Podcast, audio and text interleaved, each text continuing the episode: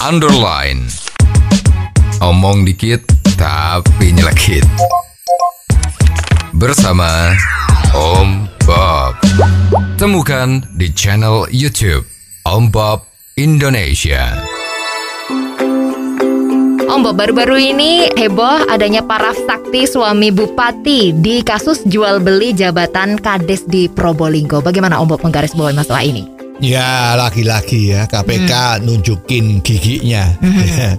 Banyak zaman dulu sering selama ini sudah dianggap KPK sekarang ini kok oh, adem ayem Ya, ya. ya. Nah, tiba-tiba ada yang di OTT ya.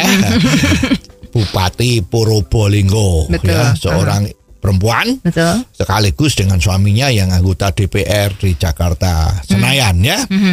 Ditangkap gara-gara jual beli jabatan. Ya. Ya, ya ini istilahnya ya suap menyuap itu.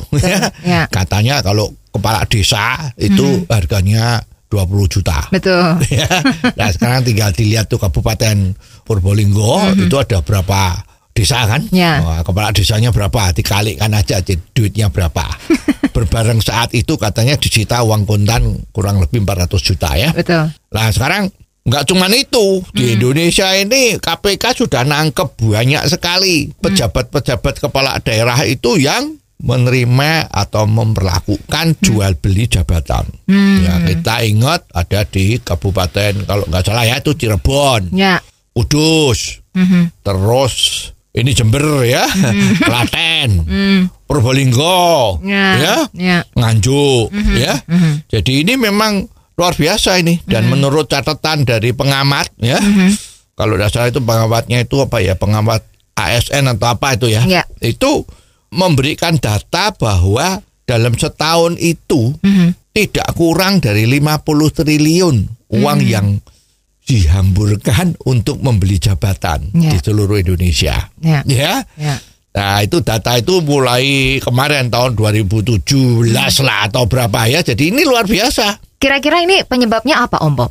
Ya ini kalau ada pengamat yang ngomong itu bahwa penyebabnya ini karena adalah bahwa wewenang mengangkat dan memberhentikan aparat aparat pemerintah daerah itu ada di bupati atau wali kota. Hmm. Ya jadi ini yang menjadikan sebabnya Ya. katanya begitu ya. Tapi kalau bupati atau kepala daerah kita itu integritasnya tinggi ya itu sebetulnya nggak ada masalah. Memang secara garis besar, Ya. secara hierarki, secara pada umumnya itu ya memang bupati atau kepala daerah itu berwenang mengangkat dan memberhentikan. Itu betul sekali. Ya. Ya, walaupun sekarang ini kan juga kalau mau memilih kepala desa itu kan sepertinya itu juga ada pemilihan dah dari warga desanya itu yang layak jadi Pak Lurah siapa gitu Ya. kan ada itu. Ya. Ya boleh saja. Oke. Tetapi semua kan harus disetujui oleh kepala daerahnya. Betul. Itu baik-baik dan itu memang harus seperti itu. Lah payah dan celakanya itu penilaian untuk seorang pejabat aparat desa seperti tadi itu ya kepala lurah atau kepala camat Ya. atau kepala bagian di dalam struktur organisasi kerjanya sebuah kabupaten itu ada di tangannya kepala daerah. Ya. Jadi dengan alasan ini pejabat si A itu tidak loyal, itu bisa diganti. Hmm. Nah, kalau sudah diganti kan bingung. Lah bagaimana supaya tidak diganti? Iya. Maka dia harus loyal. Ya kan? Nah, kalau sudah loyal gimana?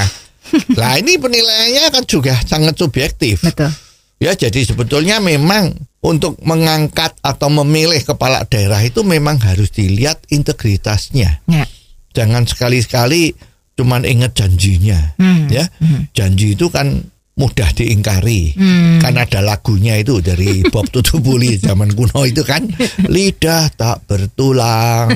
Jadi mudah ditekak-tekuk ya. Iya. jadi mestinya ya hati-hati. Besok kalau memilih kepala daerah jangan janjinya tapi integritasnya. Ya. siapa dia? Itu yang harus dipilih. Apakah itu memungkinkan Om Bob? Ya susah.